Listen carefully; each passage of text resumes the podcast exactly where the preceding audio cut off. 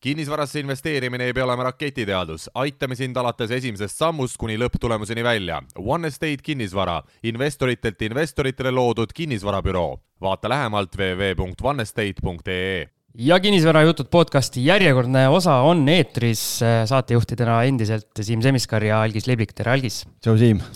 ja nüüd seekord otsustasime teha sellise huvitava, huvitava osa, kus kui meil tavaliselt on külas eh, need inimesed, kes hullumeelset kinnisvara armastavad,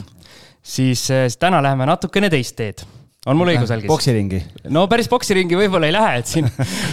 siin raskekaalased eh, on vastas. et, et ei julge, aga ma arvan, natukene võib-olla siin ajame teravaks asja küll ja noh, alati on hea ju teist perspektiivi kõrvale vaadata, et kui endal roosad prillid ees on ja klaasid katki lüüakse, et siis noh, võib-olla, võib-olla ei tundu enam nii roosa, on ju, et saame täna kohe teada siis. just, ja võib-olla mõni kuulaja on juba ära aimanud, et siin viimasel ajal natukene nii-öelda kinnisvararingkondades ka furoori tekitanud mees, tehnoloogiainvestor Madis Müür on meil siis külas, tere Madis! tervist! Siin vaikselt kinnisvara nii-öelda väikeinvestorite ringkonnas on sind nimetatud ka kinnisvara vihkajaks juba, et kas, kas asi on nii hull? ei no heal lapsel mitu nime on ju,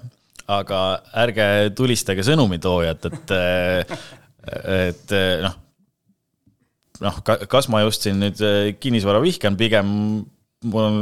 teen ikkagi erinevate valdkondade kohta kodutööd ka omajagu ja tühja koha pealt nagu vast ei loobi sõnu, et pigem nagu täna oleks sihuke negatiivne või nagu sihuke kinnisvara vihkav stsenaarium äh, ikkagi sihuke kakskümmend viis kuni nelikümmend protsenti kukkumist, ma vaatan, et nagu minu selline vaade noh, suurusjärgus viisteist kuni kakskümmend viis protsenti kukkumist, et see pigem on selline realistlik vaade okei okay,, aga noh, sinna me jõuame, et hakkame ükshaaval pärast kaevama seda, seda. numbrite maagiat. numbrite maagiat ja kogu seda sinu investeerimisteekonda üldiselt, aga võib-olla noh, lihtsalt äh, kuna meie sina oled, sa oled tehnoloogiainvestor, et meie kuulajad on ikkagi nii-öelda kas siis alustavad või väikesed nii-öelda kinnisvarainvestorid. et võib-olla kõik ei ole sinu, sinu nimega tuttavad, et äkki sa teed väikese, väikese lühikokkuvõtte sellest, et kes sa oled, et mis mees on Madis Müür ja, ja võib-olla natuke oma, oma tausta ka avada. okei okay,, äh, jah, et äh, kunagi ammu sai ülikoolis õppimise kõrvalt investeerimisega alustatud kaks tuhat viis aastal. Äh, siis noh, sellega alguses läks kenasti seni, kuni enam ei läinud, on ju, kuni kaks tuhat kaheksa. Siis läks korralikult auku ära, et august välja saada, siis hakkasin pokkerit mängima. Sugulased vaatasid ka, et noh investeerimisega ei viidi, et nüüd läheb hasartmängu hasartmängu peale, et, et noh, vähemalt äh, peres teisest lapsest saab asja, et üks läheb ikka aia taha, on ju. aga noh, töötasin seal pokkeriga üles ennast, mingid tulemused tulid ja siis vahepeal hakkasin teisi ka õpetama, sellest kasvas midagi professionaalse spordivõistkonna laadset välja, et kümme-viisteist elukutselist, järelkasv ka aga noh, siis mingi hetk oligi selliseid punte nagu tekkis üle maailma palju ja nagu elukutseliste tase saigi nii heaks, et eh, hobimängijatel sai netis raha kiiresti otsa, on ju, ja siis eh, noh, see ärimudel nagu mingis mõttes tappis iseennast ära. siis kaks tuhat kuusteist lõpus, noh, ei olnud pointi seda kellelegi müüa ka, et panin putka kinni ära, aga noh, ma olin seda asja hakanud äh, vahepeal nagu kõrvalt õppima just äh, nagu ettevõtluse poolt äh, startup'ide materjalidest. ja siis hakanud nagu kõrvalt startup idesse investeerima ka. ja siis noh, vaikselt sai sihukesest hobist töö, et hakkasin mingi hetk ise neile rahastusvoore kokku ka panema, see oli kaks tuhat seitseteist ja hiljem, et ja noh, nüüd viimased aastad, viis aastat, kuus olengi seda nagu täiskohaga teinud, et Siim, kas sa panid tähele, Madis ütles, et noh, pokkeris natukene üht-teist õnnestus ka, minu arust, kas, ma ei tea, kas, äh, kas sa võid parandada mind, aga sa oled isegi mingi pool miljonit eurot võitnud mingilt turniirilt, et, et noh, natukene kuskilt midagi sai, et äh, no, sa olid ikka väga edukas ju. Nojah, võib ka nii öelda, et Eesti selles live turniiride rahalistis olin pikka aega esimene, et aga noh, eks seal mõned on tegelikult netis ja teistes formaatides ju rohkem ka teeninud ja praeguseks, praeguseks ma olen täiesti hobimängija, et eh, pole siin aastaid tõsiselt võtnud ja teised on oskustega mööda läinud, aga aga jah, ei, mingisuguse algkapitali sai, et eh, nüüd saab nagu järgmiste asjadega tegeleda. Aga sa oled oma postituses, postitustes ka tihti välja toonud seda, et nii pokkeris kui investeerimises sinu need Ameerika mäed või üles-alla nagu käimised on olnud eh, nii suured, et sind põhimõtteliselt enam nagu miski ei kõiguta, et kui palju sa siis oma kogu kapitali maha oled mänginud või ära kaotanud? nagu täitsa nulli või? päris nulli pole läinud, jah? Äh, tegelikult noh, eelmise masu ajal juhtus see võib-olla seal pokkeri äh, noh, mingi esimene-teine aasta ka korra kaks, aga, aga pärast pole nagu juhtunud, aga jah, selliseid viiskümmend protsenti kõikumisi on ikka tulnud, et ja noh, eks ta nagu mingil väiksel määral ikka mõjutab, aga nagu noh, ma saan aru, et see on nagu osa valdkonnast ja nagu peabki riski võtma ja noh, kes tahab nagu suuremat äh, tootlust saada, see peabki nagu mõnevõrra risk, rohkem riski võtma ja noh, tänu sellele ongi see mõnevõrra suurem tootlus võimalik, sest enamus inimesi ei ole nagu nõus äh, natuke suuremat riski võtma. siin ühe kuulsa investeerimiskuru põhi nii-öelda nõue või põhireegel on see, et ära kaota raha ja siis teine reegel on see, et vaata esimest reeglit, et kas sina siis selle järgi ei ela, et võtad nagu megariske ja oled valmis siis vahepeal ka miinus viiskümmend käima vabalt nojah, äh, eks see sõltub väga valdkonnast, et kui sul noh, on noh, näiteks võlakirjade puhul, kui sul upside ongi kümme protsenti ja downside sada protsenti, siis ilmselgelt ära kaota raha, on ju. Äh, aga nagu pokkeriturniiride puhul, mis oli minu põhiline mänguformaat, jõudis hea mängija rahadesse kuusteist kuni kaheksateist protsenti ajast ainult, ehk siis nagu üle kaheksakümne protsendi sisseostudest noh, päevadest ka ligikaudu sama palju ikkagi kaotas raha. ja noh, startup'ide puhul suurusjärgus pool läheb aia taha ja noh, ülejäänud poolest mingi kolmkümmend, nelikümmend protsenti ka nagu väga kõrgele ei jõua, et noh, selle põhimõtte järgi ei saakski nendes valdkondades tegutseda, et see, et nagu aeg-ajalt raha kaotab, see on vägagi okei okay, nagu nendes valdkondades et lihtsalt täiesti erinevad valdkonnad. milline su nii-öelda tänane igapäev välja näeb, et mismoodi tehnoloogia investor eh, oma eh, nii-öelda nädalat esmaspäevast pühapäevani läbi ajab? noh, praeguseks mul on kaks väikest last, et eh, nüüd olen poole kohaga lapsevanem isegi. Et noorem sai just üheseks, vanem on neljane, et käed-jalad tööd täis. No võib niimoodi öelda. meil on Siimuga mõlemal kolm, me teame, mis, millest sa räägid, nii et väga äge, aga jah, et et liiga palju nagu aega töö jaoks ei jää, et mingi kakskümmend tundi nädalas umbes pigistab välja, on ju, ja noh, eks ülejäänud ajal jah, noh, iseenesest on just nagu hea ajastus niisuguse vanemapuhkuse, niisuguse pooleldi sundpuhkuse jaoks, et et ega siin turupõhjas nagu liiga palju uusi tegemisi ette ei võta, on ju. aga noh, eks ma siin praegu noh, ikka investeeringuid jälgin, mingeid veidi väikseid tehinguid teen, aitan ettevõtetel, enda portfelli ettevõtetel siukseid vaheraunde kokku viia, et eks praegu on nagu päris keeruline startup idel ka siukseid mõnesaja tuhandesi summasid kokku ajada, et, et sellega on nagu parasjagu võimlemist olnud, et mõned raundid kokku ajada kui me räägime su startup'ide portfellist võrreldes eh, nii-öelda tippudega, kui palju see praegu nii-öelda vee all on või eh, miinuses? Noh, kui. ole nüüd hästi aus. kui nagu, okei okay,, päris tipp oli kusagil kaks tuhat kakskümmend üks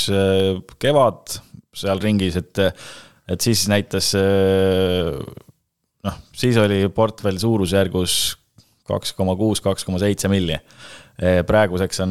no suurusjärgus kaheksa-üheksasada tuhat järel. et no ütleme, et veidi üle kuuekümne protsendi, aga noh, iseküsimus on muidugi, kas nagu sihukest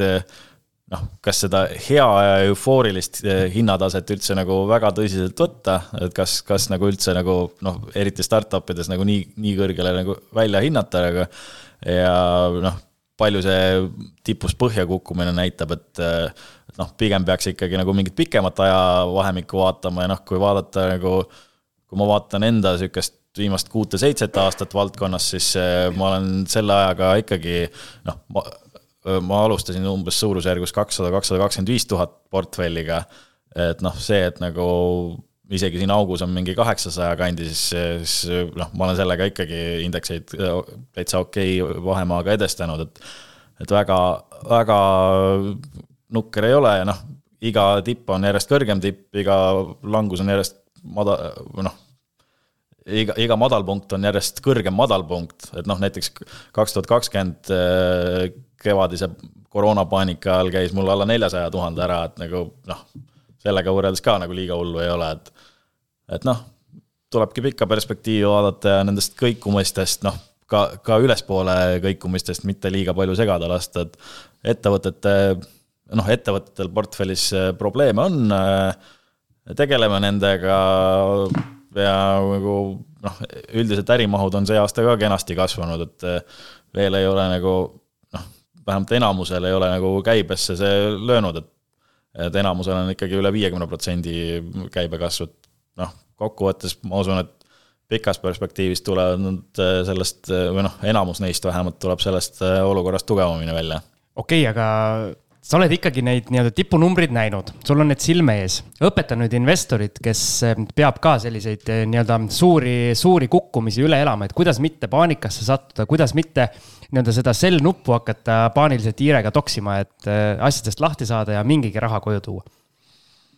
Ei no tulebki pikale perspektiivile keskenduda nagu noh,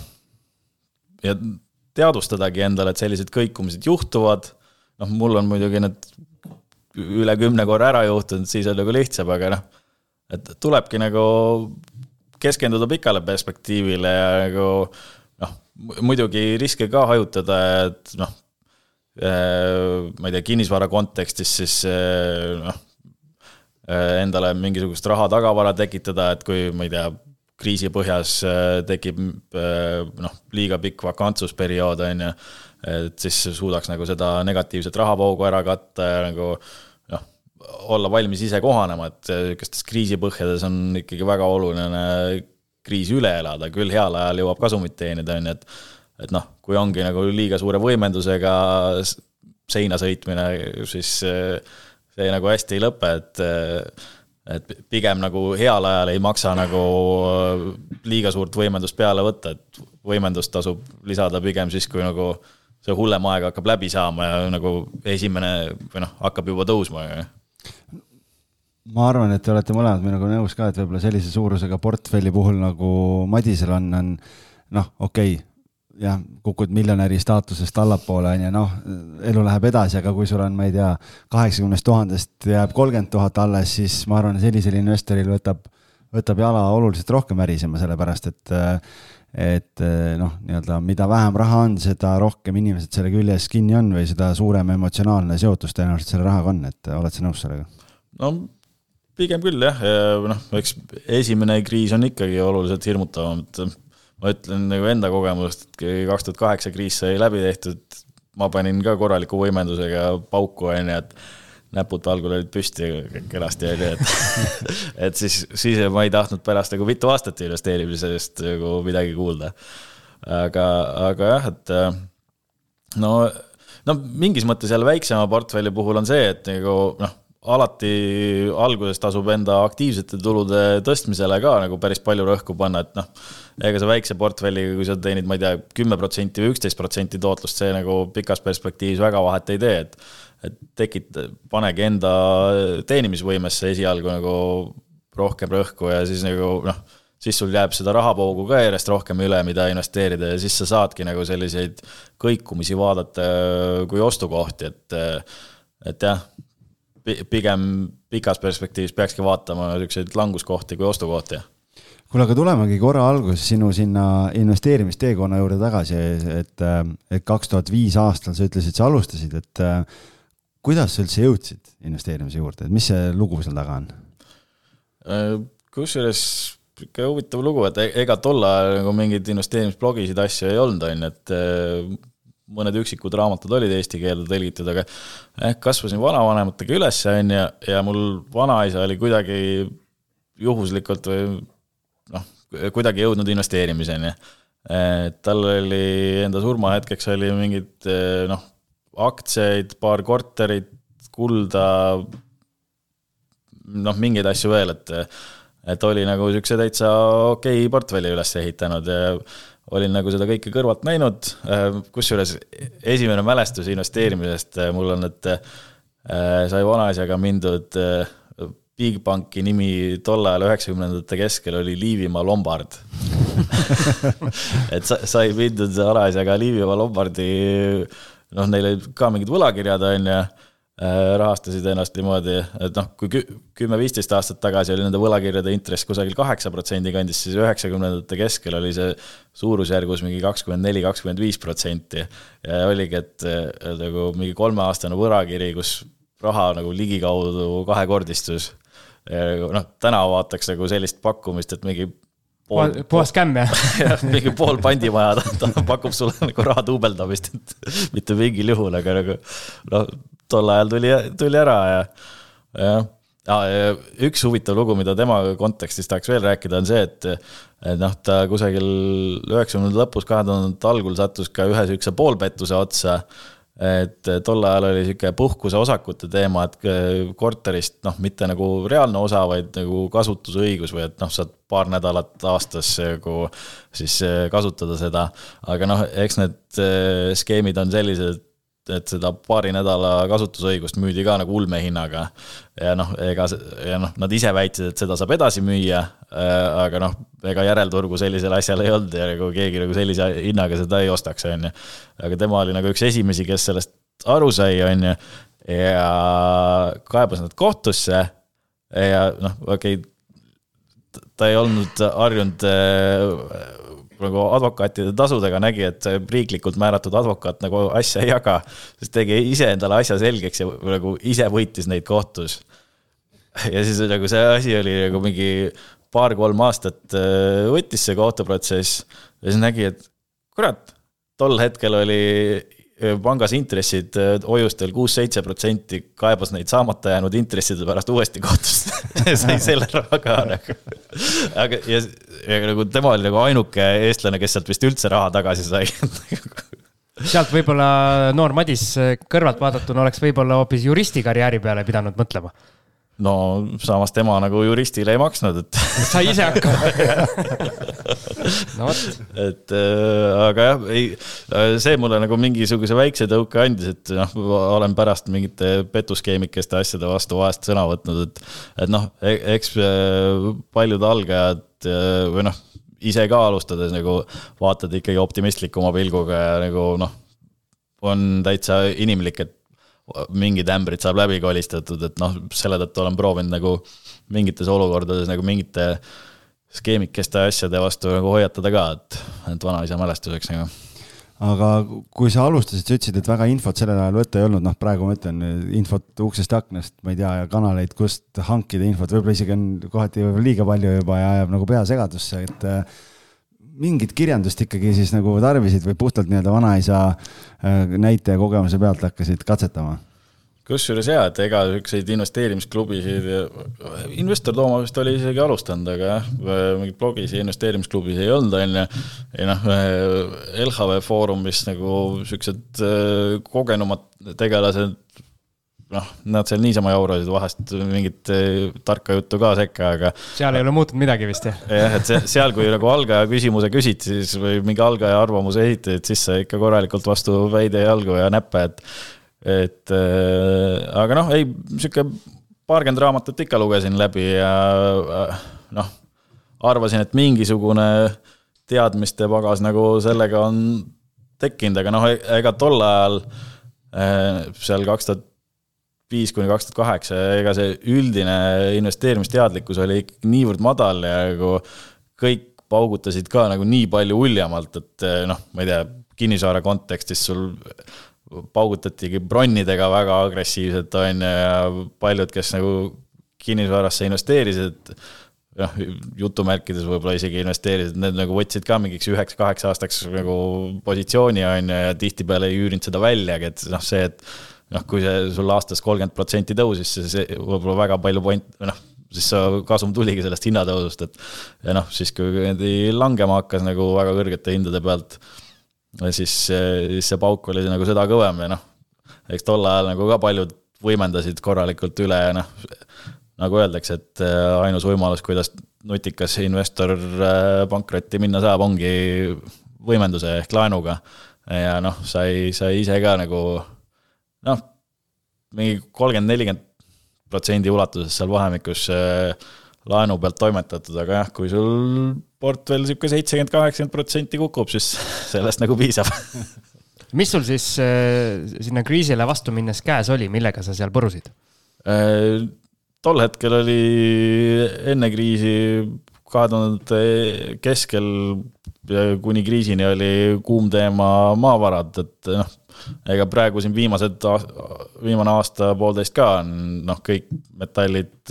nafta, gaas on ju rallinud. et tol hetkel oli noh, protsentuaalselt isegi suurem kasv. ja mina siis igasugused metallide kaevandajad, et mingi vask, nikkel, tsink, noh, mingid siuksed asjad, eelkõige Kanada natukene ka USA börsilt. et noh, story oli siis, et Hiina kasvab ja noh, Hiina kasvaski, aga ja tarbis nagu paljudest metallidest sihuke kolmandiku maailma nõudlusest. Hiina majanduskasv jätkus seal kogu aeg kaheksa protsendi kandis ja üks aasta siis, ma ei tea, kaks tuhat kaheksa või üheksa kukkus see kasv sinna natuke alla kuue protsendi vist ja siis nagu no sellest piisas, et põhi normaalselt alt ära lüüa, aga. tuleme kinnisvara juurde ka, et eh, kui palju ja mis seosed sul eh, nii-öelda kinnisvaraga läbi elu on olnud? Äh, noh, ma ise nagu liiga palju tegev ei ole olnud, et jah, siin vanaisa käis sealt kõrvalt, nägin, kuidas tema nagu välja üüris. Äh, aga noh, mul nagu küllaltki palju inimesi, tuttavaid, kes nagu seal valdkonnas tegevad on, et üks äh, ütleme, et hea tuttav oli, jõudis kümne korterini välja üürida juba noh, mingi aastaid tagasi, enne kui see nagu popiks siin sai, on ju, ja noh, tean paljude suuremate arendajate eestvedajaid ja noh, mõnda exit'i rahaga tegelast, kes siin viimasel aastal korralikult kokku on ostnud ja siis noh, mu elukaaslane on tegelikult eh, ehitusõiguse peal advokaat ka, teeb doktoritööd selles, et, eh, et noh,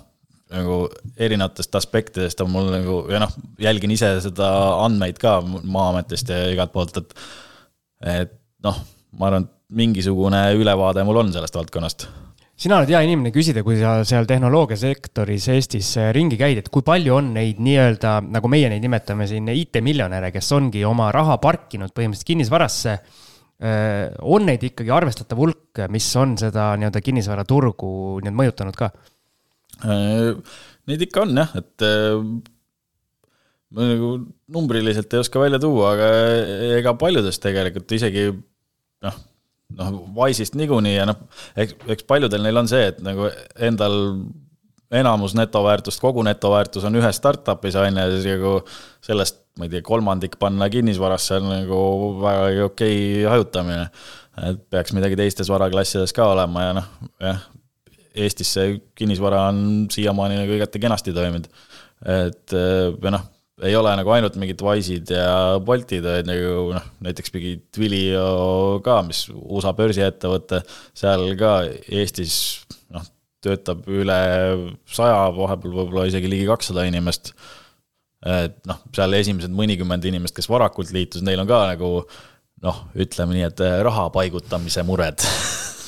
et mure on see, et raha on palju yeah., mitte et vähe yeah ma mingi aeg vaatasin Twilio, Twilio, ma ei mäleta, kuskil mingi info oli mingi palkade ja asjade kohta, siis ma vaatasin, keskmine sissetulek oli seal mingi kakskümmend tuhat või midagi oli, et noh, et seal need optsioonid ja asjad ilmselt olid juurde arvestatud kõik, et. pigem küll jah, ma ei usu, et palgatase, palgatase Eestis küll üheski ettevõttes vist nii kõrge ei, ei ole, ole, kuigi USA-s võib see vabalt olla, aga jah, eks ta heal ajal, kui need noh, Twilio aktsiahind käis nagu väga kõrgel, nüüd on nagu oluliselt alla tulnud, et et jah, no see optsioonijõukust tuli nagu oluliselt palju peale, aga noh, see nüüd hakkab äh, kinnisvaraturu kontekstis ka vastupidi töötama, et seda optsioonijõukust tuleb ainult nagu väga headel aegadel peale, et noh, okei okay,, optsioonide väärtus kasvab nagu pikema perspektiivi peale, aga neid nagu rahaks tehakse või ettevõtteid müüakse ikkagi nagu siuksel noh, heal või väga heal ajal okei okay,, aga selline keskmine IT-miljonär, oletame, ta ostab siin äh, mingi plokktehinguga endale, ma ei tea, kõvemad sägad võib-olla ostavad kümme korterit ära. kas need jäävad siis lihtsalt seisma, see ongi raha parkimise koht või ikkagi need pannakse üürile ja haldusesse ja nii-öelda lähevad nagu turule ka või? Ehm, mul nagu liiga head et, ülevaadet ei ole, et osad või noh, need, kellega olen rääkinud, need nagu üürivad välja, aga ja noh, pigem nad ise, neil ei ole aega sellega tegeleda, et mingi haldusteenuse ostavad sisse, et ma usun, et enamus vast niimoodi, aga noh, täit ülevaadet muidugi ei ole. No meil endal, Siim, on ka kogemus äh, ühe inimesega, ta ei ole küll, me ei saa öelda, et äh, IT-miljonär, aga noh, nii-öelda kui me räägime siin nendest eelnimetatud ettevõtetest, kes on siin mingi optsiooniga, optsioonipakki saanud, et siis, siis on meile endale ka üks inimene laenu andnud äh, ühe korteri ostmiseks, kes just tänu sellele, et ta aastaid ühes nendest tehnoloogiaettevõtetes töötas ja noh, tema, ega ta ei ole kümnete kaupa ostnud, aga lisaks sellele, et ta laenu andis meile,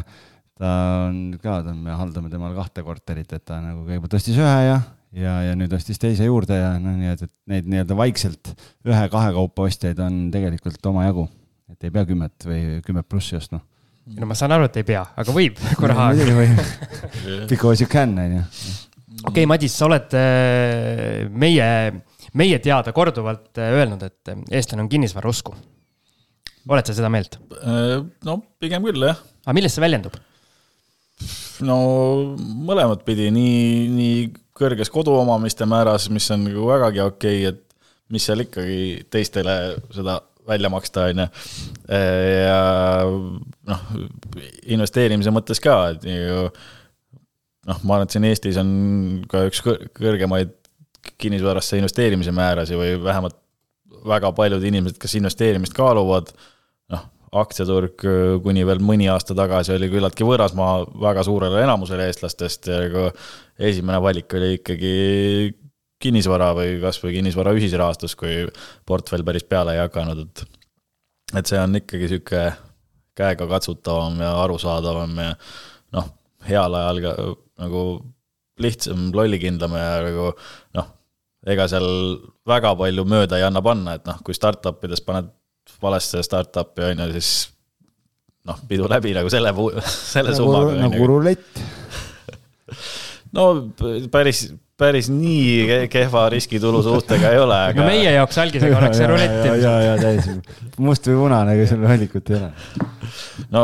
mina kui pokkeri pealt tulnuna, minu jaoks on startup'id juba peaaegu riskivaba raha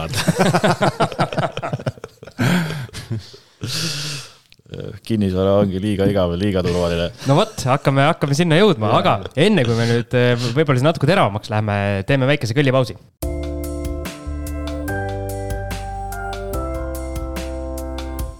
Nii, oleme väikselt pausilt tagasi. ja nagu enne lubatud sai, siis eh, proovime vähe nüüd eh, nii-öelda teravamaks minna ja kui ma saate alguses tõin selle sõna, selle nii-öelda kinnisvara vihkaja tiitli ka sisse, siis ma arvan, paljude jaoks sai see alguse, ma siin tegin selle postituse lahti ka, kakskümmend juuni on kuupäevaks ja pealkiri on kinnisvara täiuslik torm. ja pildiks on pandud mingi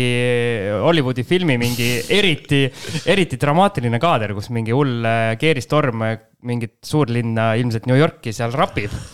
et äh, mida sa mõtlesid endast ei no ega vahepeal nagu liiga palju ei, ei pööranud nagu tähelepanu kinnisvaraturul, et olin enda valdkonnas sees, aga siis jah, just enne oli nagu see eh, noh, eh, Viljar Arakas ka öelnud, et nagu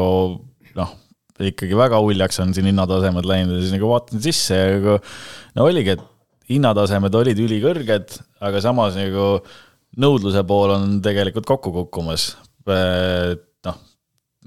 seda optsioonimiljonäre pole peale tulemas, noh, inimeste ostud oluliselt eh, langenud inflatsiooni tõttu, palju vähem raha on nagu ostu jaoks, välismaalased enam ei osta. noh, kõik need argumendid, mis seal olid, ega kõik ei olegi peas, aga, aga jah, et noh, see väljavaade tegelikult oli oluliselt teiseks muutunud. ja noh, nüüd, kui nagu edasi vaadata, siis noh, pigem selline noh, see viimased kümme aastat, mis oli, see on nagu kinnisvarasse investeerimise nagu sihuke kuldaeg ja nagu noh, anomaalselt hea aeg, et sellist aega ei saagi nagu tagasi tulla, et mingi null protsenti Euribor, noh, küllap siin mingi viie kuni kümne aasta jooksul elektrihinnad ja gaasihinnad lähevad alla, noh, aga pigem nad järgmised kolm kuni viis aastat on ikkagi kõrged, mis noh, ka seab nagu kinnisvara hindadele allapoole survet mõnevõrra. Et äh, noh, okei okay,, siin see aasta on muidugi väga palju ukrainlasi peale tulnud ja tõenäoliselt tuleb natuke aega neid veel, aga noh, kui kaua seda sõda Venemaa jõuab seal pidada, on ju, et äh, pool aastat, aasta pigem küll, aga noh, kahe aasta perspektiivis pigem saab sõda läbi, on ju, ja siis hakkab nagu see, ka see, äh, see trend nagu vastupidi töötama. et kui seal Eestist läheb mingi noh, kõik nad ei lähe ära, aga ütleme, pooled lähevad ikka, et kui kolmkümmend tuhande võrra nagu rahvaarv kahaneb, siis nagu ka see mõjub nagu negatiivselt, et et jah, me pigem nagu sihuke kuldaeg on läbi saamas ja noh, siin ajutiselt äh, võib nagu kinnisvaraturul päris, päris raskeks ikkagi minna. et sa siin kohe selle, selle postituse esimeses lõigus tood sellised väga nii-öelda polariseerivad äh, sõnumid ka sisse, et et rahvasport ja, ja taksojuhtidel näpud püsti. et see on täpselt sama jutt, mida räägiti ju tegelikult selle eelmise krahhi kohta, kus äh, tulidki need naljad, et kõik taksojuhid, äh, või tähendab, kui taksojuht hakkab sulle aktsiatest rääkima, et siis on aeg väljuda ja siis, kui see krüpto suur buum oli, toodi täpselt seesama nali uuesti taskust välja, et ehk siis kinnisvaras äh, täpselt samad jutud, jah? no pigem küll, selles mõttes, et kusjuures krüpto puhul ma toon kiire näite, et mul mingi hetk käis massöör külas ja rääkis, et ta pani kõik enda veidi üle, kui rohkem kui kümne tuhande euro, et kõik pani mingisse Shiba Inusse, ma ei olnud nagu kuulnudki sellisest asjast. ja pani all in'i et see on rohkem raha, kui ta kaotada võib endale lubada. ja siis soovitasin, kuule, kulla mees, et võta kasvõi pool välja või midagi, nagu no ja tuligi välja, see oligi täiesti tipupäev sealt edasi on mingi miinus kaheksakümmend, miinus üheksakümmend protsenti. Nagu. oled hiljem rääkinud ka selle inimesega? ta enam masseerina ei tegutse vist ei no lood-, loodetavasti ta enam krüptoga ei tegutse, tegutseb massöörina ikka edasi. aga jah, et noh, kinnisvara kontekstis ja, et nagu jah, noh, keegi nagu riskidele enam äh, tähelepanu ei pööranud, on ju, ja kõik rääkisid, et kinnisvara tõusebki ja et ongi nagu inflatsioonikaitse ja blablabla, bla, on ju, ja nagu oligi sihuke ülimalt optimistlik meeleolu, nagu niisugust noh, e-, ettevaatlik oli jah, ainult, ainult Viljar Arakas siis, aga et jah, kui on nagu sihuke üksmeelselt ülioptimistlik turg, siis see on nagu üks selgemaid ohumärke. seal peab ilmselt baromeetriks panema selle, et kui sa istud taksosse ja kuuled, et taksojuht kuulab meie podcast'i, siis, siis on õige aeg oma korterid maha müüa ei tead, seal tegelikult võib, ma ei ole küll taksojuht, aga võib paralleele tuua, et kui algis nagu krüptomaailma või või Funderbeami jõuab, et siis on pidu läbi, sellepärast et nii, minu kaks katsetust, kaks tuhat kaheksateist äh, Bitcoini osta, panin sealt korraliku lossi ja, ja siis, kui siin oli mingi aasta tagasi või millal tohutu mingi Funderbeami ralli hakkas pihta ühel hetkel onju, siis ostsin ka seal erinevaid asju ja siis lõpuks mingi, ma ütlen kolmkümmend prossa või midagi, ma ei pannud palju seal mingi, ma ei tea, katsetasin mingi tuhat, tuhat viissada eurot onju, viie soti kaupa panin. Aga no lihtsalt, kui sa näed, et igalt poolt kolmkümmend prossa, mõtlesin, et okei okay,, et võtan välja ära, et iga kingsepp peab ikka oma liistute juurde jääma, et et, et natukene sama jah, et taksojuht ei ole, aga, aga kui ei tunne, siis ära torgi. jah, ja eks ta nii on, et nagu noh, mingi varaklass saab siukse noh, üleriikliku tuntuse siis, kui ta on juba ikkagi mõned aastad rallinud või vähemalt nagu mingid kiired tipud ära teinud ja noh kõik vaatavad nagu ainult viimase aja graafikut, et keegi nagu neid fundamentaale või noh, suur enamus turgu fundamentaale ei oskagi analüüsida, siis nagu ja kõikidel on keegi tuttav ka, kes on nagu juba raha teeninud ja soovitab talle ka, on ju, et et noh, eks see oli Funderbeamis ka seal kaks tuhat kakskümmend üks esimene pool, on ju, ja nagu Tallinna börsil siin eelmise aasta teine pool, siis natukene selle aasta algust ka, et, et jah sellistel eufooria hetkedel kindlasti tasub väga ettevaatlik olla ja pigem võib-olla natukene positsioone vähendada. Okei okay,, aga räägime numbritest ka, et mis su enda, enda peas see tulevikustsenaarium on, kui me räägime näiteks kinnisvara hindadest? no suurlinnades on USA-s juba suurusjärgus kümmekond protsenti kukkunud mitmetes. et ma arvan, et siin Eestis, kuna noh, see hinnatõus siin ka selle aasta algul oli nagu oluliselt kiiremgi, et siis või noh, USA-s ka see jätkub, Stockholmis, noh, paljudes Euroopa linnades juba kukub kenasti. et pigem siin Eestis jääb ka sinna noh, suurusjärgus viieteist kuni kahekümne viie protsendi vahele hinnalangus. et noh, tõenäoliselt see langus nagu reaalselt siin Eestis on nagu isegi äh, pigem üle viie protsendi juba juhtunud, lihtsalt äh, noh, kui statistikale nagu lihtsalt nagu niimoodi face value peale vaadata ja ridade vahelt mitte lugeda, siis võib-olla ei loegi seda välja, aga noh, äh, suurem noh, tehingu aktiivsus on umbes kolmandiku võrra Tallinnas kukkunud, mujal võib-olla isegi rohkem äh,, hinnatasemed vähem, aga seda ainult selle tõttu, et järjest kasvav osa äh, tehingutest on varem lukku löödud uusarenduste müügid, mis on nagu siin ütleme, pool kuni poolteist aastat tagasi lukku löödud järjest kasvavatelt hinnatasemetelt. et see nagu noh, toetab seda näilist keskmist hinda, aga nagu noh, kui saaks nagu paremini filterdada, et noh, võrreldav korter noh, samas linnajaos, samas seisukorras on ju, samas suuruses, siis pigem see langus on juba siin noh, kusagil mai-juuni tippudest ikkagi üle viie protsendi toimunud. et on kuulda, et nagu mõned maaklerid isegi lasevad klientidel mingi kümmekond protsenti alla võtta, kui tahavad müüa tehingusse jõuda. ütleme, kui ma vaatan nagu klientide tänast ootust, siis kõik saavad aru jah, et see nii-öelda kuldkalakese püüdmisaeg on läbi, aga et, et tegelikult noh, nii-öelda et praegu veel nagu päris nii-öelda langemise peale minda, sõltub muidugi klientidest, need, kellel on tühjana seisnud mingi kinnisvara, need, seal hakkas, osadel hakkas kiire, et noh, nüüd on viimane aeg mm. et davai, et edestame turgu nii-öelda, et ärme, ärme jää ootama. aga noh, kui me mõtleme Siim, et kakskümmend viis, kolmkümmend protsenti kukub, noh siis me oleme aastas kaks tuhat kakskümmend tagasi, et äh, kõige hullem ei olegi ju. no vot, ma tahtsingi Madise käest äh, nagu küsida, et okei okay,, kukub kakskümmend viis, kolmkümmend protsenti kui palju sinu hinnangul investoreid äh, selliseid on, kes on tõesti niimoodi ennast äh, üle võimendanud, et nende jaoks miinus kolmkümmend protsenti tähendab seda, et ta peab hakkama midagi likvideerima või, või pank tuleb tal midagi käest ära võtma, nagu seal kaks tuhat kaheksa oli mm,? jah, ma ei, see sihuke miinus kolmkümmend protsenti on juba jah, pigem päris ebatõenäoline ja noh, ainult siis, kui nagu see kriis tõesti nagu pikemalt kestab aga noh, ega neid osakaale ei oska öelda, kind-, noh, seekord on pangad palju konservatiivsemalt laenanud, paljud on cash'is välja ostnud, aga noh, mingisugune osa ikkagi, eriti nendest, kellel nagu seda kogemust võib-olla vähem on, äh, on nagu ikkagi sihuke noh, ma ei tea, kakskümmend viis kuni nelikümmend protsenti omakapitaliga ka toimetamas, et noh, ärikinnisvaras ka, Eftenil on seal noh, kusagil poole kandis omakapitali, on ju, aga enamus konkurentidel on see omakapitali protsent mõnevõrra madalam. aga noh, algajatel noh, võib olla küll neid, kellel on suurusjärgus, ma ei tea, kakskümmend viis, kolmkümmend viis protsenti omakapitali ja kui nagu, kui sul tuleb sihuke kakskümmend, kakskümmend viis protsenti langus ja noh, ütleme, et pole nagu endal võib-olla seda rahavaru ka kõrvale pandud, et ma ei tea, kui äh, vakantsus tõuseb, on ju, äh, et siis nagu laenumakset tasuda. et äh, noh, eks, eks igaüks peab enda jaoks nagu need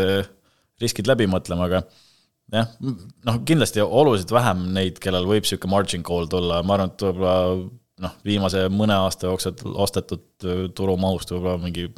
mõni protsent, viis protsenti, no alla kümne ikkagi. et sa mingit suurt sundmüükide lainet kui sellist nagu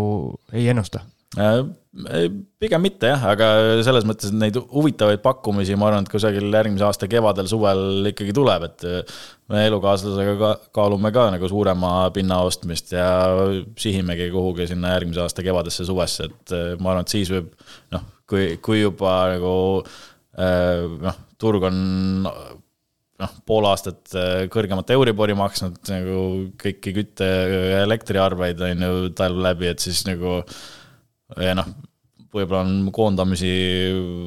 ka natuke rohkem tekkinud siin vahepeal, et siis nagu ma arvan, et see olukord kinnisvaraturul võib hoopis teine olla, et ma selles mõttes just mõtlen selle, selle peale, et üks asi on hindade kukkumine, kakskümmend viis, kolmkümmend protsenti, vahet ei ole, kui noh, on ta siin kakskümmend või on ta kolmkümmend, noh, kukkumine, suur kukkumine küll, aga ma mõtlen, tegelikult täna ikkagi see nii-öelda Euribori tõus räsib, ma arvan, inimesi isegi rohkem. et noh, need mõlemad kokku selles mõttes, et ühest küljest noh, saab näha, et eelmise kriisi ajal ju pangad hakkasid helistama ja ütlesid, et sul on täna kinnisvara väärtus on kukkunud ja maksa juurde, on ju. et, et see on nagu ühelt poolt see kirves, mis on nagu pea kohal ja teiselt poolt on siis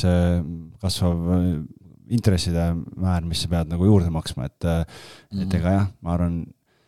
inimesed on kindlasti teadlikumad, kui nad olid eelmisel korral, aga ma arvan, et neid, kes nagu emotsiooni pealt panid, on siiski turul ka piisavalt palju, nii et, et selles mõttes mina ei ole kinnisvaraturul nii kaua olnud, et mina eelmist kriisi ei näinud, et äh, mitte, et ma kellelegi halba sooviks, aga, aga päris huvitavad ajad on ees, sellepärast et viimased paar aastat nagu noh, investoritega töötamine oli suhteliselt raskendatud, sellepärast et lihtsalt ei olnud turult midagi võtta ja toimus nagu ülepakkumine ja ja numbrid ei jooksnud kuidagi kokku, aga nüüd vaadates jälle kortereid külastamas käin ja, ja omanikele pakkumisi teed või maakleritele, siis praegu ollakse nagu väga valmis rääkima jälle, nii et selles mõttes on jälle elu nagu normaalseks ja, ja põnevaks läinud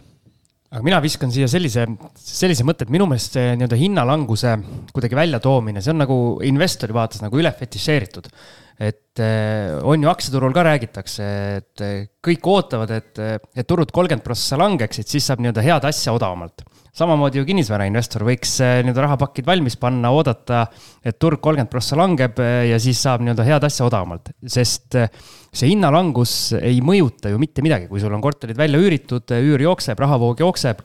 siis nii-öelda saadki osta, osta madalamalt tasemelt. peaks ju olema vastupidi nii-öelda investori vaatest nagu positiivne. pidu. jah. ei, jah, ostu poole olevatele inimestele kindlasti positiivne.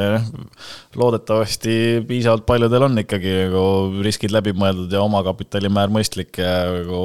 raha tagavara ka ja. aga jah, ei, muidugi. ja noh, tegelikult mida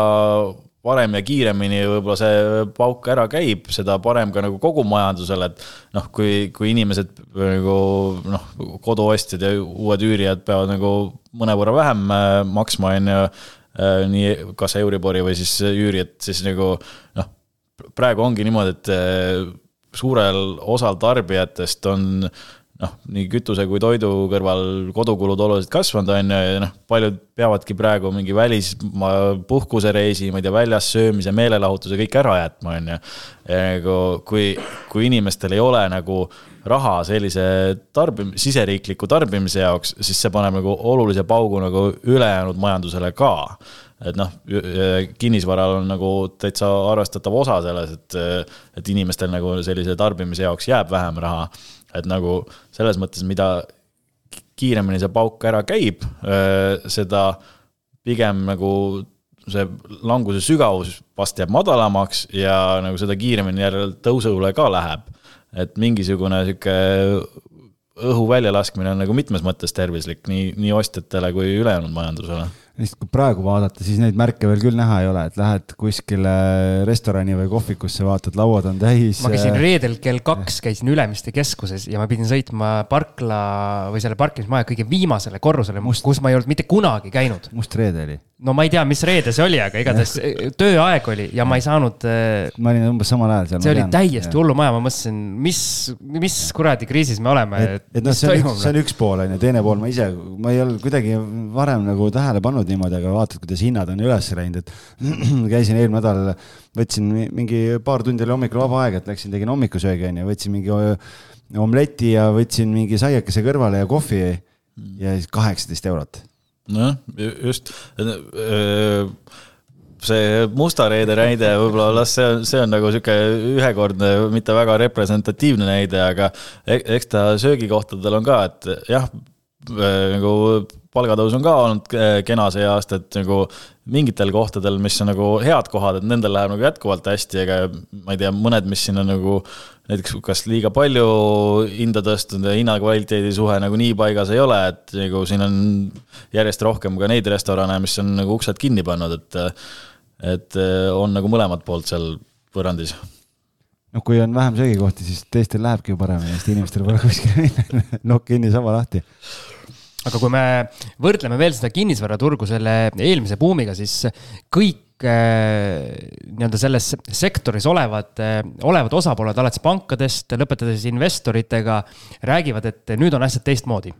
Mingi, mingi aeg räägiti nagu selles osas, nagu see kuulus nali on, et nüüd on asjad teistmoodi, kinnisvara ei saa kunagi langeda, eks. Mm.. okei okay,, aga nii-öelda tõsised inimesed räägivad seda, et esiteks pangad on oluliselt rohkem ja paremini riske jälginud,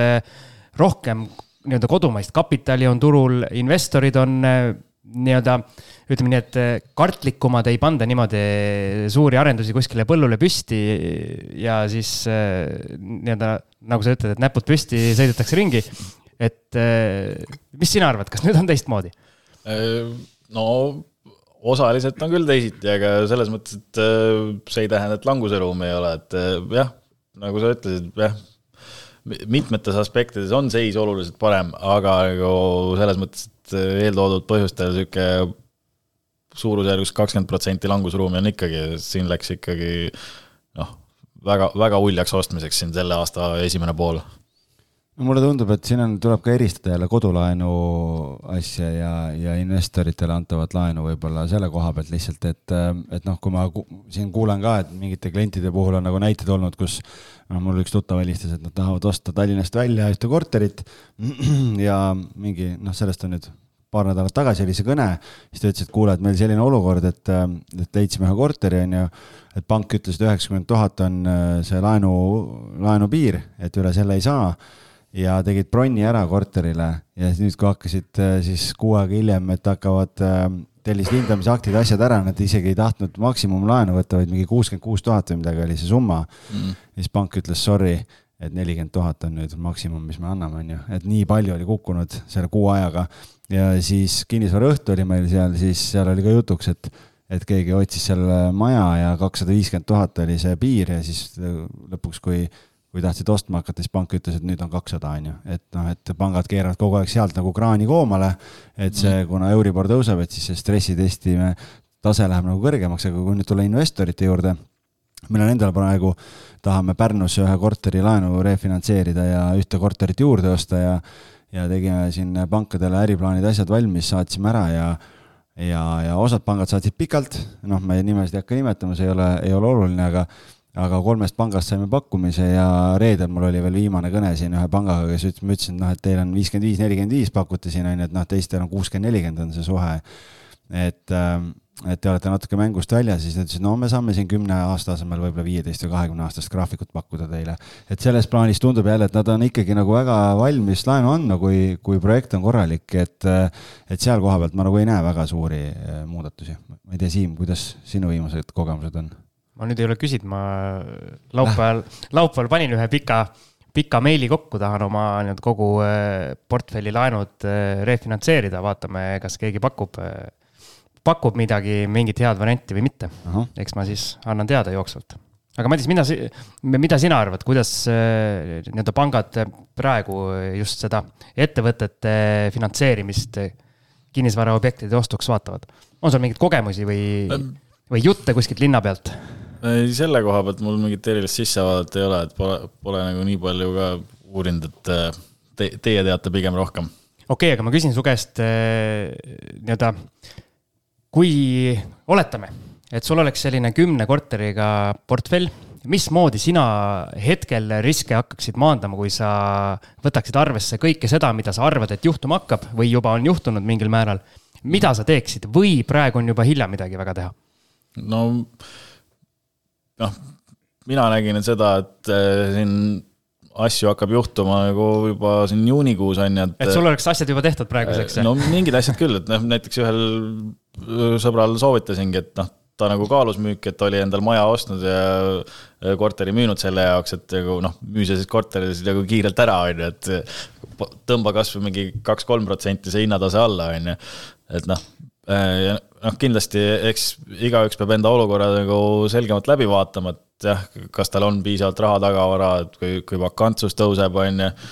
Äh, noh, kui, kui see omakapitali määr on liiga madal, seal mingi, ma ei tea, kolmekümne protsendi kandis, et siis võib-olla nagu noh, mingid asjad kasvõi seal mingi kümme, kaksteist protsendi hinnalanguse pealt nagu ära müüa, noh, kui, kui, kui stressi teist välja ei mängi. noh, kui omakapitalimäär on suurem ja purjetad rahulikult läbi, siis, siis nagu ei tasu neid languseid üldse tähelegi panna, on ju. aga jah, kui, kui nagu läbi ei purjeta, siis jah, ei tasu nagu ahne olla ei nagu hinna nagu noh, müügihinna pealt, kui on vaja müüa. kui ei ole vaja müüa, väga hea ja samamoodi ei tasu ka nagu üürihinna pealt nagu võib-olla liiga ahne olla, et kui nagu siin üürid on nagu mõnevõrra alla tulemas, siis nagu kui sa küsid nagu mingi viis-kümme protsenti üle turu keskmise, siis sa võidki nagu ma ei tea, mitu kuud nagu Äh, kõrvale jääda turult nagu väljaüürimiselt ja siis sa pead võib-olla veel madalama hinnaga pärast nagu üürima panema, et. et äh, noh, kasumit teenitakse heal ajal, raskel ajal tuleb lihtsalt see raske aeg üle elada, et nagu ei, ei tasu ahne olla, tuleb nagu kiirelt kohaneda, olukorda vaadata me siin äh, just salvestasime, enne kui sa tulid, ühe boonusosa ka, kus me rääkisime nii-öelda üüriturust, aga mis sinu vaade on, kas üüriturg äh, ka oluliselt langeb, sest äh, selle ukrainlaste tulekuga tegelikult see üürituru pendel käis või nii-öelda läks ikkagi ju päris ühte äärmusesse nii-öelda üürileandja jaoks väga positiivsesse äärmusse, et sealt see asi on mingil määral tagasi tulnud, aga meie hinnangul ikkagi ta päris nagu normaalsusesse veel jõudnud ei ole. Mm, jah, pigem võivad küll üürid äh, nagu mõnevõrra vähem kukkuda, aga noh, samas nagu kuna siin ka üürnikel on väga raske, eriti mingi noh, kes siin alla keskmise palga teenivad, nende jaoks need püsikulud on ikka jõhkralt kasvanud, on ju. et äh, ma kardan, et nagu või noh, isegi mingi veidi üle keskmise palga saajate jaoks, et et kes on ikkagi harjunud nagu ma ei tea, korra või kaks aastas välismaal käima ja nagu tahavad meelt ka lahutada, et et noh, mingi hetk nad vaatavadki, et kas nagu ma ei tea, kümme-viisteist ruutmeetrit lisa, et eh, kas ma, kas ma tahan nagu meelt lahutada ja puhkamas käia või, või viisteist ruutu suuremat, kümme-viisteist ruutu suuremat korterit, et noh, mingi osa turust eh, hakkab nagu downgrade ima enda elamispinda. ühesõnaga, need kaardid ikkagi mingis osas mängitakse ümber? mingis osas kindlasti, jah noh, siis on äh, nii-öelda no. pluss on nende investorite käes, kellel on need väiksed, ähm, väiksed kahekümne ruutused äh, üürivannid. Siimul hakkasid põsed õhetama kohe siin, et oma väikeste, oma väikeste korteritega siin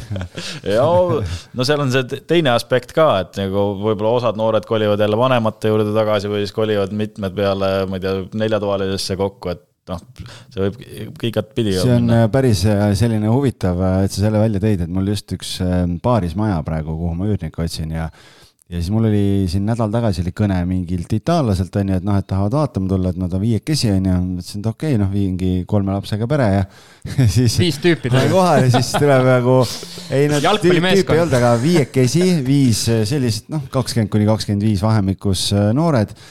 kõik töötavad tehnoloogiaettevõtetes siinsamas kõrval on ju, ja lihtsalt äh, täna elavad kõik, keegi kuskil noh, ma ei tea, seal Scandiumi üürimajas, keegi Larseni üürimajas kuskil ja siis lihtsalt noh, et äh, nüüd vaatasid, et oo oh,, et sihuke saja seitsmekümne ruudune sihuke tore maja on, et noh, viie peale, et täpselt magamisorgunn ja kõik asjad nagu sobiks. Mm.. ja tegelikult tuleks soodsam, aga sul on nagu suurem pind, kus sa saad elada, sul on saunad, asjad, värgid, aga, aga jah, seal siis te,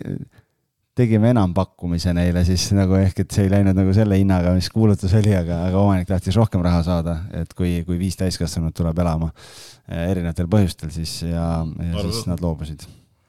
üks asi, mis ma veel tahan siia õhku visata, on see, et oma nende nii-öelda kinnisvara temaatiliste sõnavõttudega oled sa, oled sa välja vihastanud ka sellise investeerimissuurkuju nagu Rahakrati et eh, kes sul seal postituste all kõvasti kommenteerimas on, minu teada te saate päris hästi läbi või vähemalt enne seda saite päris hästi läbi, et äh, olete nii-öelda kaadri taga ka rääkinud, rahakratt ju väga nüüd kinnisvarasse oma nina pistnud või noka pistnud õigemini. noka jah. kulu, kulu et eh, ei, siin mõned nädalad ei ole nagu omavahel rääkinud, et ma ei teagi, no võib, võib-olla natuke häiritud on, aga noh, ära tuli, ära tulista sõnumitoojad noh, ma nüüd noh, pigem räägin ausalt, nii nagu ma ei tea, analüüs mulle kokku näitab, et et see, et arvamused on erinevad, see on vägagi okei okay ja ma arvan, et mul ei ole, noh, vaadates, mis, mis ohumärke üleval on, siis ma arvan, et ma ei ole nagu ka nagu väga pessimistlik siukse viisteist kuni kakskümmend viis protsenti tuleviku väljavaatega, et et noh, jah kas, kuidas see on, et kas siit saab seda järeldust teha, et noh, et vaata, et tuvid käivad neid jäänuseid nokkimas, et kui tuvi kinnisvarapeole jõudis, oli tuled juba kustu pandud või? ei, pigem rahakratt ikkagi on täitsa noh, igati asjalik, et, et okei okay,, võib-olla ta mingites valdkondades väga süvaanalüüsi ei tee ja noh, hajutamise mõttes võib-olla väga pointi pole ka aga kinnisvaras ta ikkagi jagab biiti ja üldiselt noh, ta on neid äh, flippamise neid peldikuid võtnud äh, suht äh, soodsate hindadega, et, et tema nagu tegemistes seda eksimisruumi on, et et ma arvan, et ta, ta elab selle aja nagu kenasti üle, et küll ta tuleb sealt tugevamini välja, et. harjunud seal tubikaka sees olema, et neid korteris võtta üks asi veel, et äh, isegi siin nii-öelda kinnisvarainvestorite hulgas äh, ei ole ühist arusaama või nii-öelda inimesed tegutsevad erinevalt, et äh, mõni on selline, kes müüb nii-öelda eeldatava buumi tipus siis müüb oma portfelli maha, istub rahas ja siis hakkab mingi hetk jälle nagu üles korjama. põhimõtteliselt mm. nagu hästi tihti ikkagi aktsiatega siis kas soovitatakse teha või, või noh, osad soovitavad, osad, osad ei soovita, aga kinnisvaraga on ju see müümine ja ostmine oluliselt komplitseeritum, pluss veel mm. igas, igasugu lisakilud. just, et eh, mis see sinu arvamus on, mina olen näiteks seda meelt, et äh, ikkagi selline üüriportfell eh, võiks olla, ollagi niimoodi, et sa ostad teadmisega, et sa hoiad seda, ma ei tea, kümme pluss aastat. pigem küll jah, et tulebki jah, endal teatav rahatagavara ja mõistlik omakapitalimäär ja noh, üürnikega head äh, taustatööd teha, et äh, puuküürnike sisse ei satuks ja kusjuures selle koha pealt mul see noh, ütleme, et äh, hea tuttav, kes nagu kümne korteriga opereerib, noh, vist on juba rohkem kui praeguseks, tema nagu nipp on see, et ta nagu küsib kahe kuu tagatise. et see on nagu noh, kes on nõus seda maksma, et see on nagu maksejõuline ja nagu tal ei ole kunagi äh, olnud äh, puuküürnikega probleeme, et et äh, ja noh, makse ajalugu ka, ka tal väga hea, et noh, eks algul võib-olla natukene rohkem peab ootama, aga et, et üürnik sisse tuleks, aga see on nagu, noh, kõik siuksed asjad tuleb enda jaoks läbi mõelda ja nagu jah, ega kinnisvaras seda ajastamist teha noh, okei okay,, teenustasude mõttes on nagu palju valusam, aga samas nagu mingi teise nurga alt jällegi noh, nagu ma siin, ma ei tea, juunis nägin ära, et noh, on oodata mingit langust ja tegelikult äh, turg hakkas langema nagu palju aeglasemalt kui börs. noh, USA-s võib niimoodi börs nagu, ma ei tea, või noh, ega Eestis ka mitmeid protsente päevaga kukkuda nagu kuuga mingi üle kahekümne protsendi on ju, et. et siin seda nagu noh eksimisruumi või, või nagu seda tegutsemisruumi on nagu mõnevõrra rohkem, et sa saad nagu. no see müük kestab ka oluliselt nii-öelda kauem, need aktsiad sa müüd ju sekundiga sisuliselt võid maha müüa, et. nojah, aga kui sa noh, ei pane mingi viis või kümme protsenti üle turuhinna, vaid paned mingi paar protsenti alla turuhinna siis nagu noh, ma arvan, et siin juuni-juuli oli veel küllaltki eufooriline aeg, et oleks saanud kasvõi turuhinna juures tõenäoliselt nagu okeilt välja, et. et noh, need, kellel see kaua läks, need olid ikkagi nagu liiga kõrge hinna pannud. okei okay,, aga oletame, et on investor, kes müüb oma portfelli siis tühjaks või müüs siis näiteks suvel tühjaks oma portfelli. aga mida selle rahaga teha? idudesse ikka ei pane ju ei no kui enda teadmised on ainult kinnisvarast, siis. siis muidugi ei pane. siis, siis, siis, ei ole küll pointi panna jah, et äh, ja noh, idud on ikka liiga spetsiifiline valdkond, aga et äh, noh, praegu sihuke noh, nende see pangahoiused, tähtajalised deposiidid lähevad nagu järjest atraktiivsemaks, et, et noh, kui sul ütleme, kinnisvara võib-olla liigub külgsuunas, noh, praegu pigem liigub allapoole, on ju, aga noh, isegi kui külgsuunas liigub, siis nagu noh, sa ei taha ikkagi seda allapoole riski siin kõrge Euribori ja kõikide nende kõrvalkuludega võtta, on ju, et et seda tühjana ei ole mõtet hoida ja nagu noh, niisugune kaks-kolm protsenti saada hoiuse intress, see hakkab nagu vaikselt jumekaks muutuma ja jah noh, see kaks-kolm protsenti, kui, kui kuskil valdkonnas on null või miinus, on ju, noh, siis paar protsenti on ju päris okei okay,, aga lihtsalt. just, et sa ei, sa ei tahagi nagu noh, okei okay,, inflatsioon järgmisel aastal jääb sinna võib-olla viie kuni kümne protsendi kanti, aga noh, sa ei taha, et su raha nagu kahest otsast põleks, et nagu sinu investeeritava vara hinnalangus pluss inflatsioon, et siis see nagu jah, põlebki mõlemast otsast, et kui inflatsioon on, ma ei tea, viis prossa, hinnalangus viis protsenti, et siis sa kaotad kümme protsenti tegelikult üks mõte, mis mul veel äh, sinu neid äh, dramaatilisi postitusi lugedes tuli, oli see, et äh, seal läks natukene just kommentaarides läks võrdluseks ka, et siis see nii-öelda idusektor ja kinnisvara. Ja siis nagu minu mõte on see, et see idusektor, okei okay,, seal on mingi osa, vähemalt mulle tundub, võib-olla ma, ma olen täielik diletant, sa saad mind parandada. mingi osa on nagu selliseid, selliseid asju, mis tõesti nii-öelda maailma muudavad, aga oluline osa on ka selliseid asju, mis on nii-öelda mugavusteenused või mis teevad mingit asja nagu mugavamaks. Mm ja minu mõte on see, et nii-öelda üüriline maksab kõigepealt ikkagi üüri ära äh, ja sööb endal kõhu täis ja siis vaatab neid mugavusteenuseid ja nagu sa siin oled öelnud ka, et läheb reisima võib-olla. Mm.. et äh, võib-olla kinnisvara selles osas, just üürikinnisvara, ei saa nagu nii palju pihta kui mõned sektorid, need nii-öelda mugavussektorid. ja kindlasti, päris paljud sektorid saavad oluliselt rohkem pihta jah, et noh, ma ei tea, eks siin ma ei tea, äh, aiamajakeste sektor näiteks on jõhkralt pihta saanud, no mingid nagu. vahepeal ainult ekspordiuudiseid tuli kogu aeg, kuidas kõik väikemajatootjad, äh, ma ei tea, ekspordivad igale poole. jah, kui sul pole raha, et elektrit maksta, siis aiamaja ostmine on su viimane, viimane asi, mille peale mõelda ilmselt, jah mm,. et jah, et mingid äh, sektorid on siuksed, mis nagu ongi nagu noh, väga tsüklilised, et, et siis, kui hea aeg on, siis ma ei tea noh, ma ei tea, ööklubides käiakse võib-olla kaks-kolm korda nädalas või, või restoranides ja noh, raskel ajal jah, maksad enda üüri ära ja noh. kuidas nende isemõtlevate saunakeristega on, see on ka nii-öelda popp teema siin olnud või mis iganes äh, asjad? no eks see on samamoodi, et äh, siis kui noh, enda elamispinda ei upgrade'i, siis sul ei teki ka ruumi, kuhu neid äh, nii isemõtlevaid kui vähem mõtlevaid keriseid panna, et et küllaltki sarnased tõenäoliselt läheb nagu aiamajakestega, et sihuke noh, saunas pigem noh, võib-olla saunas käimine ise kui tegevus väheneb nagu vähe, aga aga jah, nagu sau-, uue sauna ostmine pigem noh, kes, kes ikkagi endale suuremat elamispinda ei võta, siis see nagu praegu seda ei, ei tee ka ja noh, praegu nagu noh, vähesed siin järgmise poole aasta, aasta jooksul on nagu upgrade imas kuule, aga maailmas üks äh, parimaid asju, mis on olemas, on tagantjärele tarkus, onju. ja sina oled nüüd investorina siin erinevatest kriisidest läbi käinud ja suure hulga kapitali kaotanud, uuesti tagasi tulnud, onju, et äh,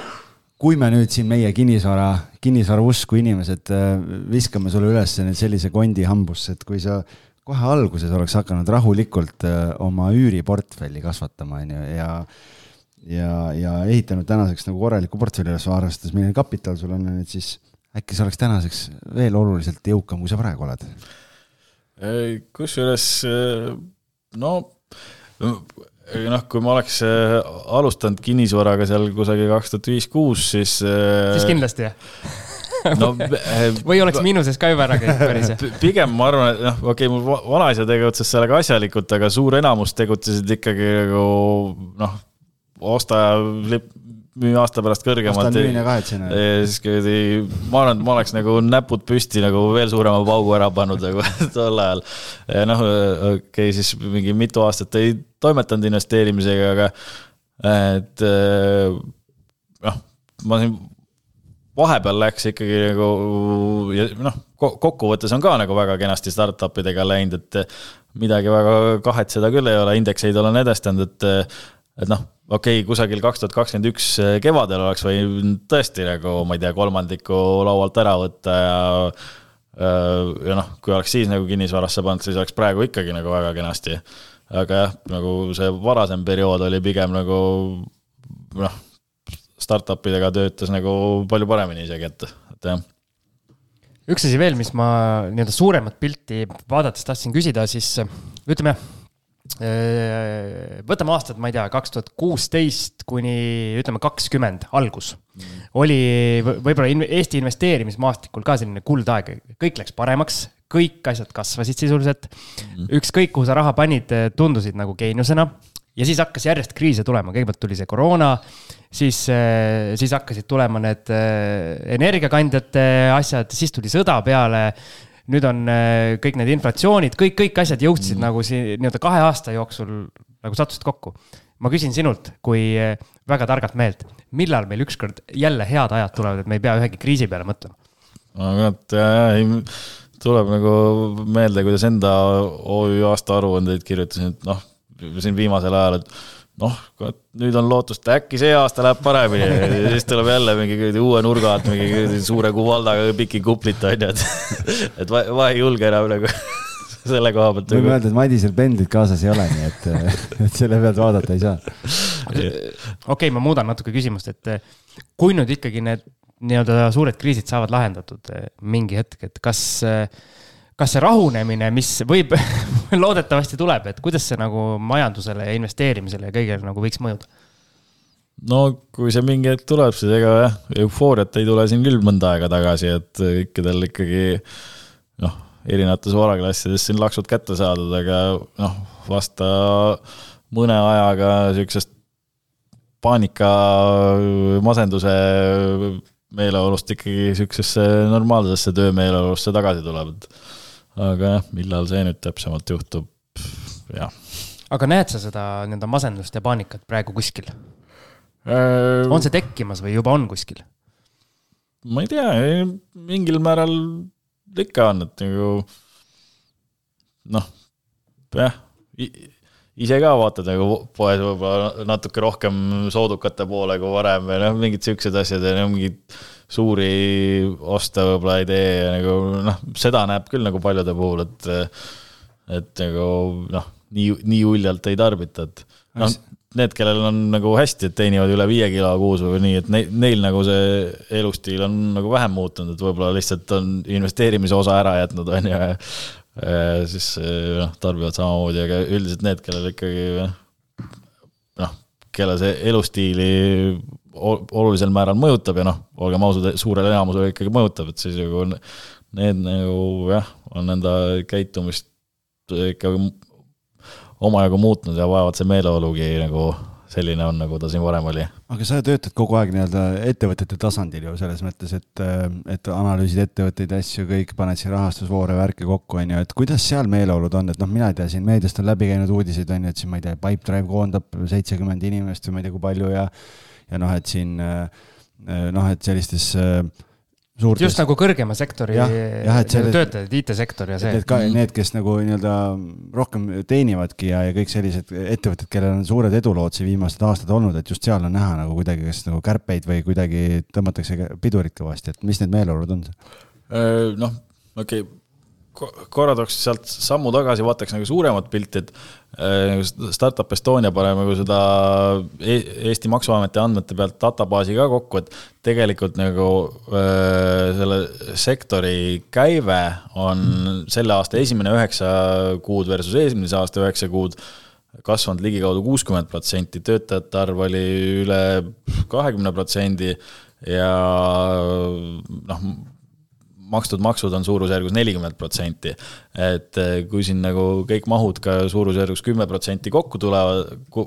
tagasi tulevad, siis see on. kasv on ikka päris suur. jah, ja nagu pigem noh, okei okay,, enamusele see mõjub noh, mingil määral negatiivselt, aga mingi väiksemale osale ka positiivselt, et see noh, kogu langus pigem ei ole seal kümne protsendi kandis isegi, et aga noh osadel kindlasti on raskem, et mingid valdkonnad saavad rohkem pihta ja nagu noh, neil on ikkagi nagu päris keeruline, et noh, see osad väiksemad, millel siin nagu jah, ongi nagu tsüklilisem valdkond ja nagu väga keeruline raha ka kaasata eh, sellistel praegu, et noh, mõned on ikkagi kuni poolest, pooltest töötajatest ka pidanud lahku, lahti laskma, et et neil seal nagu midagi väga roolisüülist küll ei ole aga noh, eks see on nagu ettevõteti väga erinev ja et on, on siin eufooriast kuni, kuni masenduseni kõik, kõik, kõik emotsioonid väljas. üks asi, mis mul äh, on, on nagu ka mõttesse tulnud äh, sinu peale mõeldes, on see, et. kui, kui tihti see, ära ütle kus, aga kui tihti sa Madise peale mõtled? mitte liiga tihti ega ei ole mõtet ka. ühesõnaga, et äh, nii-öelda sinu tasemel idudesse investeerimine minu meelest on nagu äh, umbes, äh, umbes sarnane nii-öelda kinnisvarasse investeerimisega selles osas, et mõlemal juhul sa saad äh, nii-öelda ise käsi külge panna. on mul mm. õigus, et selles mõttes, et vaata, sina nagu sa siin äh, saate alguses ütlesid ka, et aitad, aitad ettevõtteid praeguses olukorras, et kuidas nii-öelda paremini edasi liikuda ja nii edasi. ja, ja kinnisvaras ka, mis, mis minule nii-öelda imponeerib üli, ülimalt, on see, et sa saad ise väärtust luua mm., ise nii-öelda vastutad ja, ja kõik see osa, et näiteks kuskil börsil nii-öelda tegutsedes on sul põhimõtteliselt piirdub see ainult see, et sa saad, saad käia aktsionäride koosolekul ja nii-öelda kätt tõsta mm., olla üks mingi null koma null null null null null null null üks protsenti. Mm. ja noh, võib-olla klient ka mingitel puhkudel, ma ei tea, kaubamaja ja, ja, noh, kui Arko varalt. aga see on seotud suurte kuludega mis ei pruugi, pruugi hiljem tuludes kajastuda. Mm, eks ta nii on, et jah kusjuures investoritel tasub ka võib-olla kaaluda, et, et noh, mitte, mitte tingimata mingi startup'ide poole vaadata, aga just vaadatagi, et noh, või võib-olla ise nagu noh, pannagi kokku mingisugune punt siis koos midagi teha ja siis nagu leida endale sihuke enda mingi tugevus või nišš, kuidas ise nagu kaasa aidata, et noh, ma näen, et mul on nagu natuke sarnane roll nagu Roosaarel on noh, tema paneb ka igasuguseid kinnisvaralaene ja siis aitab ka noh, Scandiumil ja Everausil äh, pildi peal olla ja turundada ja niimoodi, eks. jah, just, et noh, võib-olla mõnes teises rollis või, või mõnes sarnases rollis kaasa aidata, et, et äh, noh, suurem jõukus luuakse ikkagi ettevõtlusega ja nagu noh, Roosaare on ka öelnud, et ta on nagu, tema sissemaksed Scandiumisse ja Everausi ei olnud nagu väga suured, et võib-olla sadades või tuhandetes eurodes on ju, ja noh pärast on nagu sisse laenanud, aga nagu selle osaluse väärtused on ikkagi üle miljoni juba. et äh, noh, täpseid numbreid teab ta vast ise, aga et, et jah, nagu äh, suurim tootlus on ikkagi ettevõtluses ja noh, võib-olla mõeldagi, et võib-olla noh, võib-olla annab nagu investeerimist mingit sorti ettevõtlusega ühendada ja noh mis inimesele endale sobib ja siis nagu seal mingisuguse aktiivsema rolliga nagu ise lisandväärtust luua. aga see minu mõttearendus, see sulle sobis, jah? et äh, nii-öelda idusektoril ja, ja kinnisvaral selles osas on nagu sarnasus, et kui teha seda iduasja niimoodi, et ise nii-öelda näpp sees olla kogu aeg. jah, et äh, jah, enda nii, nii otsustest sõltub rohkem kui, kui ka annab ise nagu seal kaasa ka rohkem lüüa, et ja noh eks sellel on nagu oluline seos vähemalt äh, startup'ide puhul nagu enda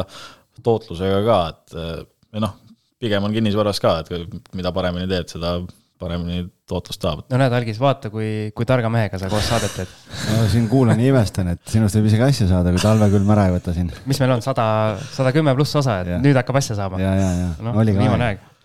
siis äh, Madis, küsin sult sellise asja, nüüd kui sul, äh, kui sa oled kahe lapse isa, äh, ütleme nii, et järjest saad vanemaks ka, et noh, see on sihuke elu paratamatus. võib-olla sa muutud järjest konservatiivsemaks. millal sina siis oma kinnisvaraportfelli hakkad kokku panema või sina paned elu lõpuni sellistes nii-öelda riskantsemates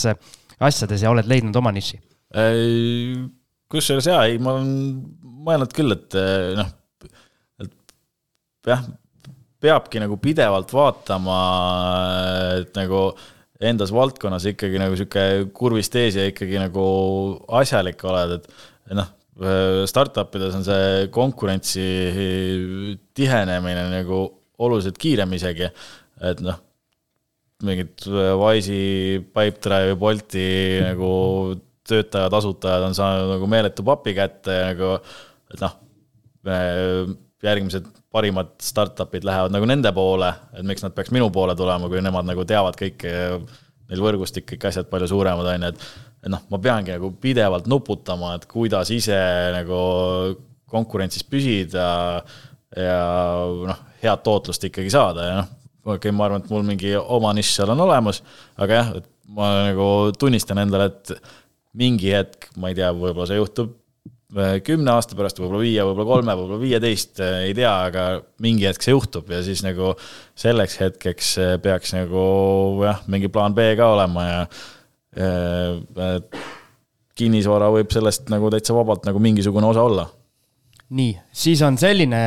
selline küsimus mulle, et kui me oleme rääkinud siin, et seal idusektoris ja IT-sektoris on nii-öelda miljonärid tulnud, pannud oma raha kinnisvarasse, aga mõtleme nüüd niimoodi, et kui siin suur kinnisvara investeerimisbuum on olnud, varsti on neid kinnisvaramiljonäre siin jalaga segada ja võib-olla nemad tahaksid minna hoopis sinna idusektorisse. mida sa soovitad mõnele kinnisvarasektorile, kinnisvarasektoris tegutsevale investorile, kellel raha hakkab vaikselt üle jääma ja tahaks võib-olla oma ellu sihukest natuke vürtsi, tahaks iduinvesteeringuid ja adrenaliini ja kus kõik kukub, lendab, okei okay,, krüpto jätame kõrvale, aga, aga kõik lendab lendab, kukub, nagu sa ütled, võib-olla pooled asjad lendavad täitsa ribadeks, eks, et mm. kust alustada? no kusjuures mõned kinnisvarainvestorid juba toimetavad ka ja on, noh, ma ei tea, Roosaare, Kaamos Grupp, noh, neid on kindlasti veel, Endoveri mõned inimesed, et aga noh, tegelikult see ikka noh, jah, nagu enne mainisin, siis see konkurents on järjest tihedamaks minemas äh, startup ides ja noh, äh, see deal flow, mis jõuab nagu, mis nagu äh, targemalt rahalt nagu raha kokku ei saa, et sellel läheb nagu järjest keerulisemaks tegelikult rahvusvahelisel tasemel nagu tegusid teha ja noh, kui nagu ettevõtte lagi ongi siin Baltikumis noh, külakivi kuningaks jääda, on ju, siis Eh, noh, rahva, Rahvaliiga satsiga või FC Floraga nagu ma ei tea, meistrite liigas kaugele ei purjeta, on ju, et et eh, pigem nagu sellisel juhul noh, sõltub, mis portfelli suurus on, et osad on siin eh, noh, noh, kõige realistlikum on pigem nagu fondide kaudu, aga nagu noh, mingid super angel'id, United Trinidad, see, et aga noh, fondidel on niisugune miinimum ticket üldiselt saja tuhande kandis, et osad on siis pannud nagu noh, kokku endale kamba peale mingi sajakilose tiketi mitme peale ja siis pannud nagu fondi, et et pigem nagu sedakaudu, et noh, see, see valdkond ei ole nagu börs, et nagu hajuta igale poole ja elu on lill, et siin, kui sa valedesse kohtadesse paned, siis nagu noh, see raha on läinud, on ju. et ja siin nagu need fondijuhid, noh börsil ma ei usu, et fondijuhid mingit lisandväärtust panevad, seal nad võtavad lihtsalt kulusid, on ju. aga, aga startup ides noh, seal, seal nagu peaaegu kõik fondijuhid on ikkagi asjalikud investorid ja nagu, et seal nagu see fondijuhtide teenustasu on seda aega väärt ka, et seal nad kõik nagu aitavad nagu noh, ettevõtet ja aitavad ouru kokku panna ja nagu, et jah pigem siis minna nagu selles valdkonnas ikkagi fondide teed. ühesõnaga, ma saan aru, kui mingid asjad meiesugusteni jõuavad, siis kõik maasikad on ära korjatud siis ja. siis on hilja okei okay,, äh, aga meil siin ühel, ühes eelmises saates Algis Assamaalast oma kahe miljoniga tahtis kõrghoonet hakata ehitama, aga nüüd, kui sul on kaks miljonit, siis, siis, siis sellega võib juba nii-öelda minna ja hakata möllu tegema küll, jah? jah, see, sellega saab mingi noh võib-olla paneks paari-kolme fondi nagu mingid ticket'id ja siis jah, vaat-, vaataks ülejäänuga ise edasi, mis, mis inimesele endale sobib või teadmisi on, et, et jah. no vot nii, Algi Sasamaalast nüüd. No ma pean nüüd hakkama kaaluma, on ju, et kas võtta kümme sõpra, kelle, kellel on veel kaks miljonit ja teha kõrghoone või siis jaotada, et äh, sihuke tuleb kodutöö ära teha. super aga Madis, tahad sa veel nii-öelda kinnisvara investoritele ja kinnisvara kogukonnale midagi, midagi öelda, mis meil täna rääkimata jäi? No näiteks, et ei ole sa nii hull mees. kuidagi leebe olid täna ei, ei ma üldiselt olengi, ma lihtsalt äh, ma nagu. kirjutades lased looma välja ei, ma, ma teadlikult panen enda artiklite esimesse ja viimasesse lõiku natuke üle vindi, et noh, alati tuleb nagu tähelepanu kohe endale saada. noh, jutupoint nagu nagu levima läheks ja keegi nagu tõsiselt viitsiks võtta, sest noh, mingit igavat juttu ei viitsi keegi lugeda. jama on selles, et kui mõni tasuline väljaanne üles nopib, siis üle esimese lõigu ei näegi jah, tõsi. aga näed, saatesse me sind nii-öelda kutsusime nende, nende kirjutiste peale. no näed, toimis. toimis jah, toimis, väga, väga tore oli. ja aitäh, et sa tulid. super, aitäh Algis sulle ka ja.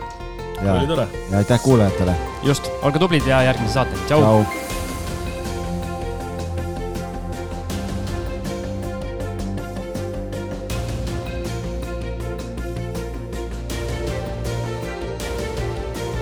Kinnisvarainvestoritele loodud kinnisvarabüroo, aitamised alates esimesest sammust kuni lõpptulemuseni välja. vaata lähemalt www.onestate.ee